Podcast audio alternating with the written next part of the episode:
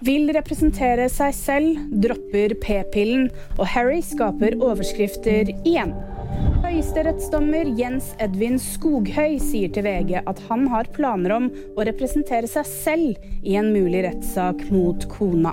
Det har stormet rundt dommeren siden han i desember i fjor offentlig beskyldte kona for å ha forsøkt å forgifte ham.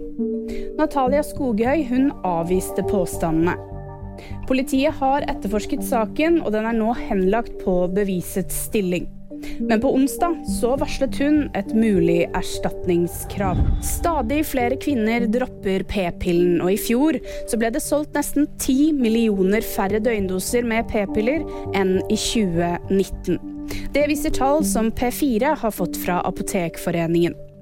Sex og Samfunn de sier at p-pillen har fått et ufortjent dårlig rykte, og at selv om det kan være bivirkninger, så er p-piller som regel helt trygge å bruke. Prins Harry fortsetter å overraske, og i et dybdeintervju så fikk han diagnosene ADHD, posttraumatisk stressyndrom, angst og depresjon. Intervjuet med legen Gabor Maté, som det ble solgt billetter til, varte i over én time.